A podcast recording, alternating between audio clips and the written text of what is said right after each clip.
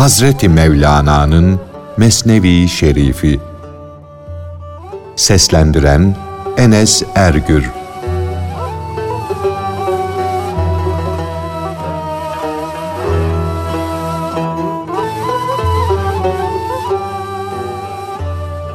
İnsanların bazısı gözle görülen güzelleri, güzellikleri değil de görünmeyen güzeli, güzellikleri sevmek mutluluğuna ermişlerdir.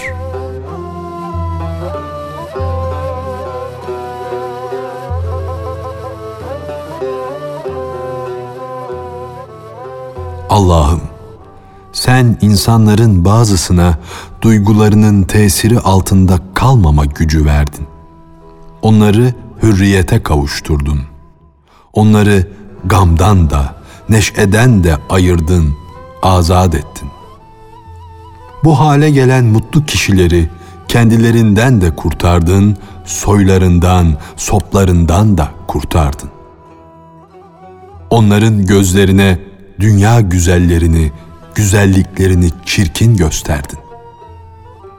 Bu saadete erenler duygu ile duyulanları yani görülen, işitilen, tadılan ve tutulan her şeyi istemezler de görünmeyene yani Allah'a gönül verirler. Böyle kişilerin aşkı meydandadır da sevgilisi gizlidir, görünmez. Onlar için hariçte görünen sevgililer dünyada o gizli sevgilinin birer fitnesi, birer imtihanıdır. Fakat sadece gizli sevgiliye bağlanıp kalarak zahiri aşkı, mecazi aşkı da boş sanma. Çünkü görünen sevgiliye olan aşk sanıldığı gibi sadece şekle, surete yani bir kadının güzel yüzüne gönül vermek değildir. Şunu iyi bilmeli ki sevgilinin sureti, şekli yoktur. Sevilen onun manasıdır. İster bu dünyaya ait aşk olsun, ister o dünyaya yani mana alemine ait aşk olsun, bu böyledir. Eğer sen sevgilinin sadece bedenini sevsen, eğer şekle, surete aşık isen, bir güzelin ruhu bedeninden ayrılınca neden onu bırakıyorsun? Neden onu götürüp gömüyorsun? Bir ölünün bedeni, şekli, sureti yerindedir. Senin ona karşı duyduğun soğukluk bu vazgeçiş nedendir? Ey aşık! Bir ara bakalım senin gerçek sevgilin kimdir? Görülen bir güzel bizim gerçek sevgilimiz olsaydı, duygulu olan herkes sevgilisine aşık olur, onu bırakmazdı. Ona vefalı olurdu. Vefalı olmak sevgiyi arttırdığı halde nasıl oluyor da suret, şekil, vefayı vefasızlığa çeviriyor. Güneşin ışığı duvara vurur. Onu iğreti olarak aydınlatır. Ey temiz yürekli saf kişi! Ne diye bir kerpiçe gönül verdin? Sen hiç sönmeyen, nuru ebedi olan güzelliği, aslı ara. Ey kendi aklını beğenen, aklına aşık olan, kendini şekle, surete tapanlardan üstün gören kişi. Şunu iyi bil ki senin duyguna vuran külli aklın ışığıdır. Bu ışığı bakır gibi olan duygularının üzerine iğreti düşen bir altın yaldızı bil de kendini üstün görme.'' İnsanlardaki güzellik iğreti bir yaldızdan ibarettir. Böyle olmasaydı sevgilim diye bağrına bastığın dostun kocamış bir eşek gibi çirkinleştiğini görür müydün?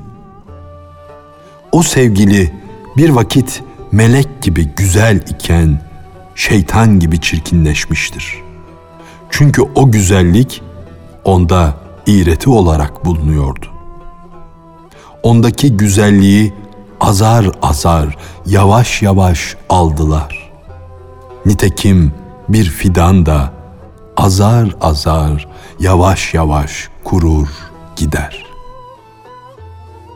Git de çok yaşattığımızın gücünü, kuvvetini alırız.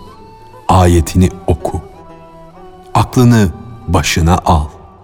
Gönle girmeye, gönül almaya bak. Ete, kemiğe gönül verme.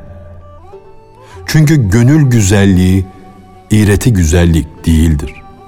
Seneler geçmekle onun güzelliği kaybolmaz.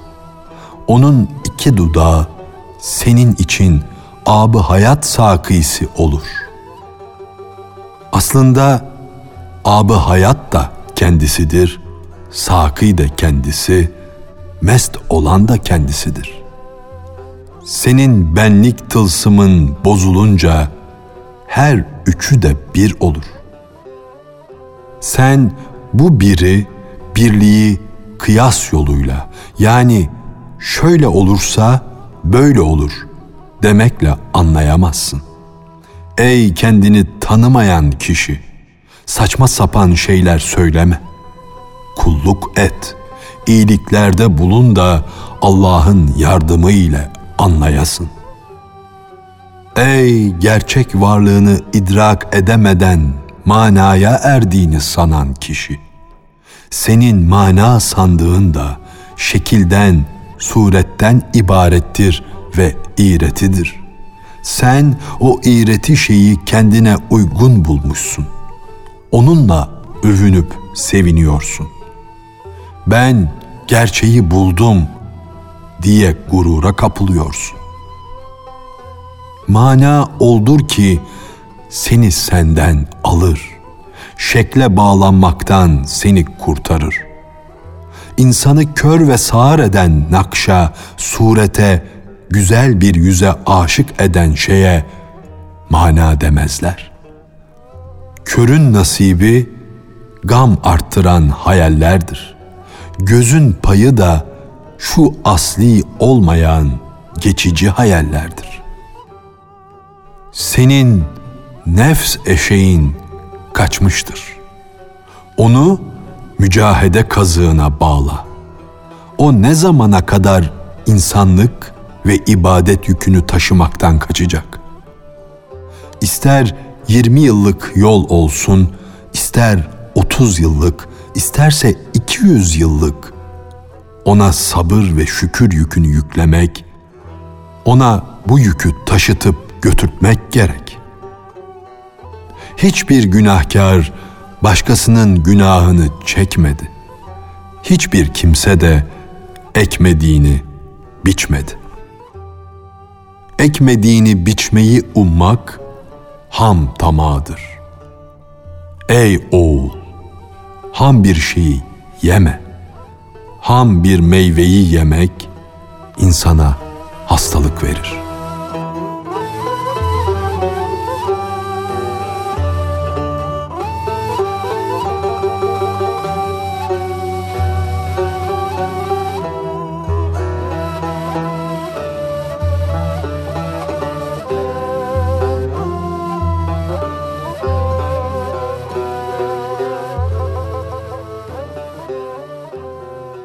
Harap Ev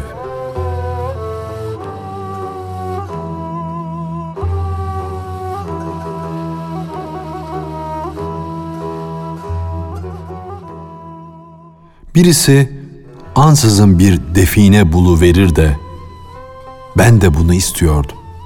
İşte artık işle, güçle, dükkanla benim ne işim var diye düşünür. Define bulmak baht işidir. Böyle şey pek az olur. Bedende güç kuvvet varken çalışıp kazanmak gerek.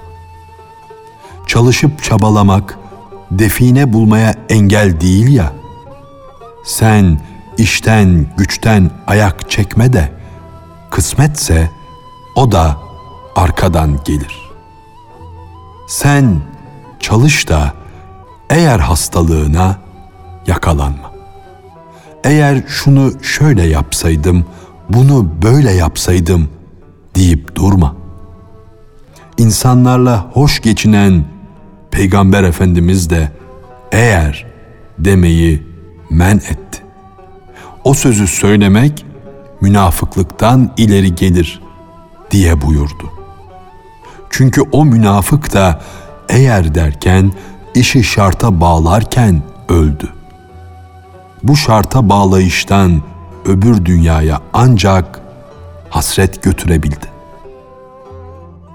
Garibin biri acele bir ev arıyordu. Bir dost onu aldı, yıkık bir eve götürdü.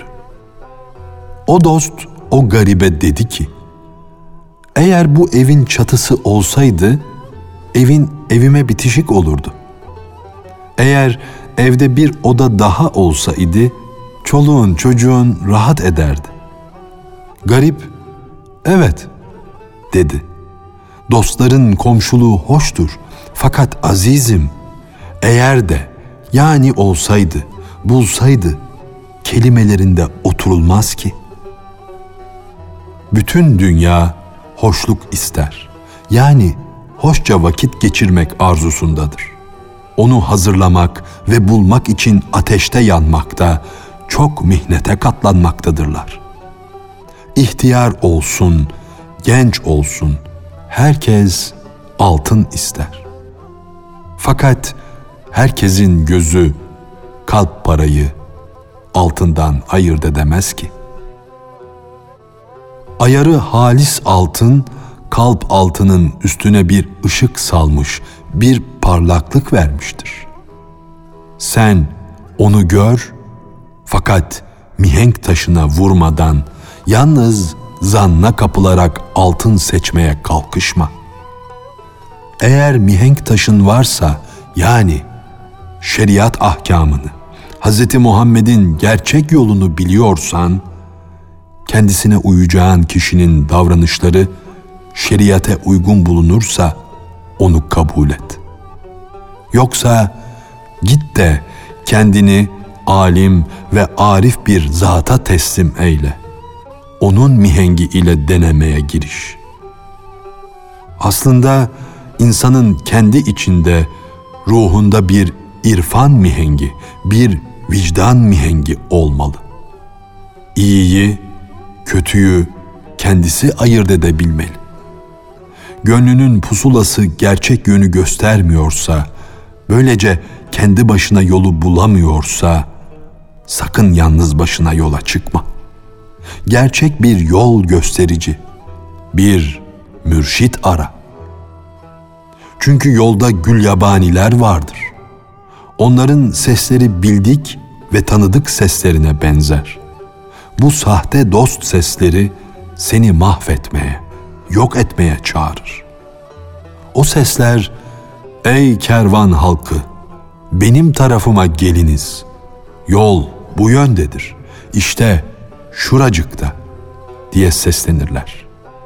Gülyabani kervan halkını yok etmek, onları da daha önce yok ettiklerine katmak için her birinin adını ey filan, ey falan diye birer birer çağırır.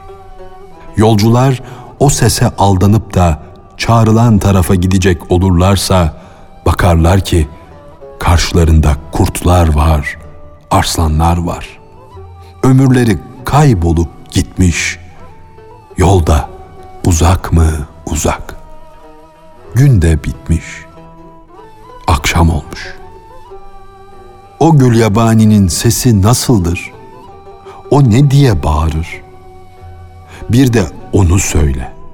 O gönül gulu, nefsi emmare, mal isterim, mevki isterim, şeref isterim diye bağırır durur. Sen aklını başına al da kendi içinden sana seslenen gönül gulunun nefsi emmarenin sesini yatıştır, sustur da sana bazı sırlar, gizli sesler duyurulsun, açığa vurulsun. Allah'ı zikret de gülyabanilerin seslerini yak, yandır. Nergis gibi olan gözlerini akbaba gibi murdar bulunan dünyaya karşı kapa. Yalancı sabahı sahici sabahtan yani dünya nimetlerini ahiret nimetlerinden ayırt et. Şarabın rengini kadehin renginden, mana kokusunu ve rengini suret kasesinden bilme. Böylece sabırla ve sebatla yani ayak direyişi ve dayanışı ile cisimlerin yedi rengini gören baş gözünden başka bir gönül gözü elde edesin.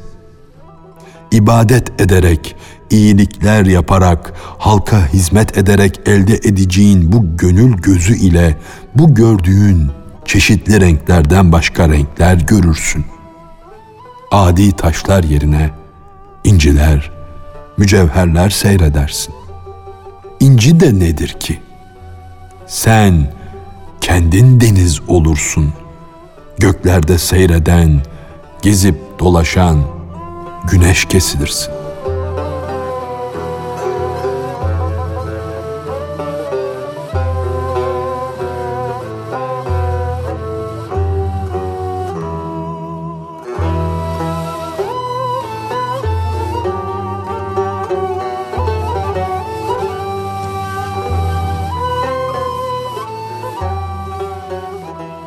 İş sahibi, iş yurdu.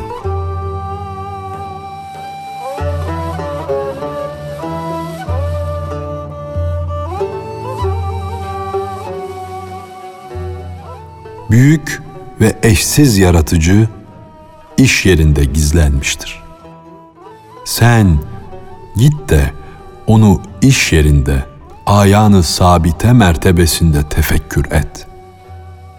Fakat onun işi yani yaratışı sanatı yaratanın perdesi olmuştur. Bu sebeple sen onu yaratış sanatı dışında işinden başka yerde göremezsin. İş yeri iş yapanın, büyük yaratıcının bulunduğu yerdir.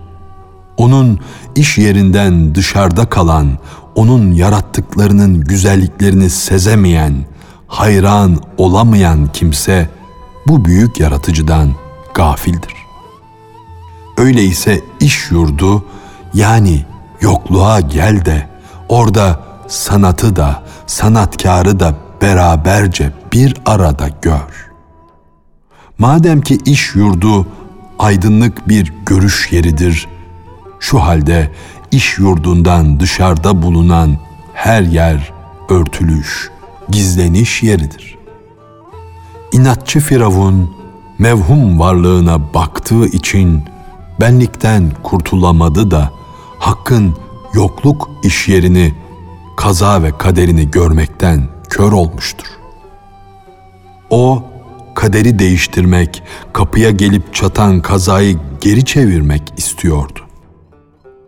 Halbuki kaza ve kader Hakk'ın takdirinin önünden kaçmaya çalışan o hileci Firavun'un bıyığına gülüyor, yani onunla alay ediyordu.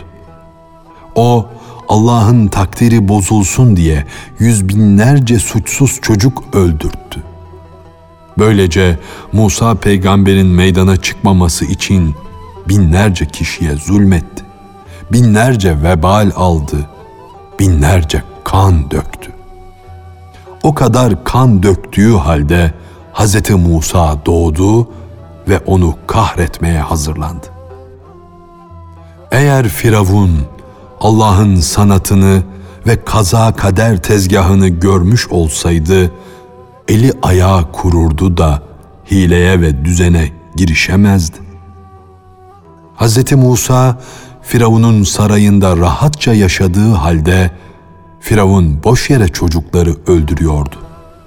Firavun hislerine uyarak tenini besleyen en büyük düşman nefsini kuvvetlendirdiği halde dışarıda bir kimsenin bana düşmanlığı vardır, bana haset ediyor diye vehme kapılan bir kişiye benziyordu. bu adam benim düşmanımdır, bana haset etmektedir der. Halbuki kendisine asıl haset eden, asıl düşman olan o beslediği bedendir. Yani nefsidir. O benlik, o nefis sahibi olan kişi Firavun'a, bedeni de Musa'ya benzer.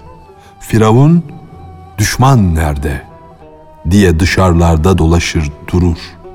Dışarılarda düşman arar. Duygularının esiri olan kişinin nefsi, beden evinde nazla, çeşitli nimetlerle beslenmektedir. Halbuki kendisi başkalarına, kendi dışında bulunan kimselere kin güderek elini ısırmaktadır.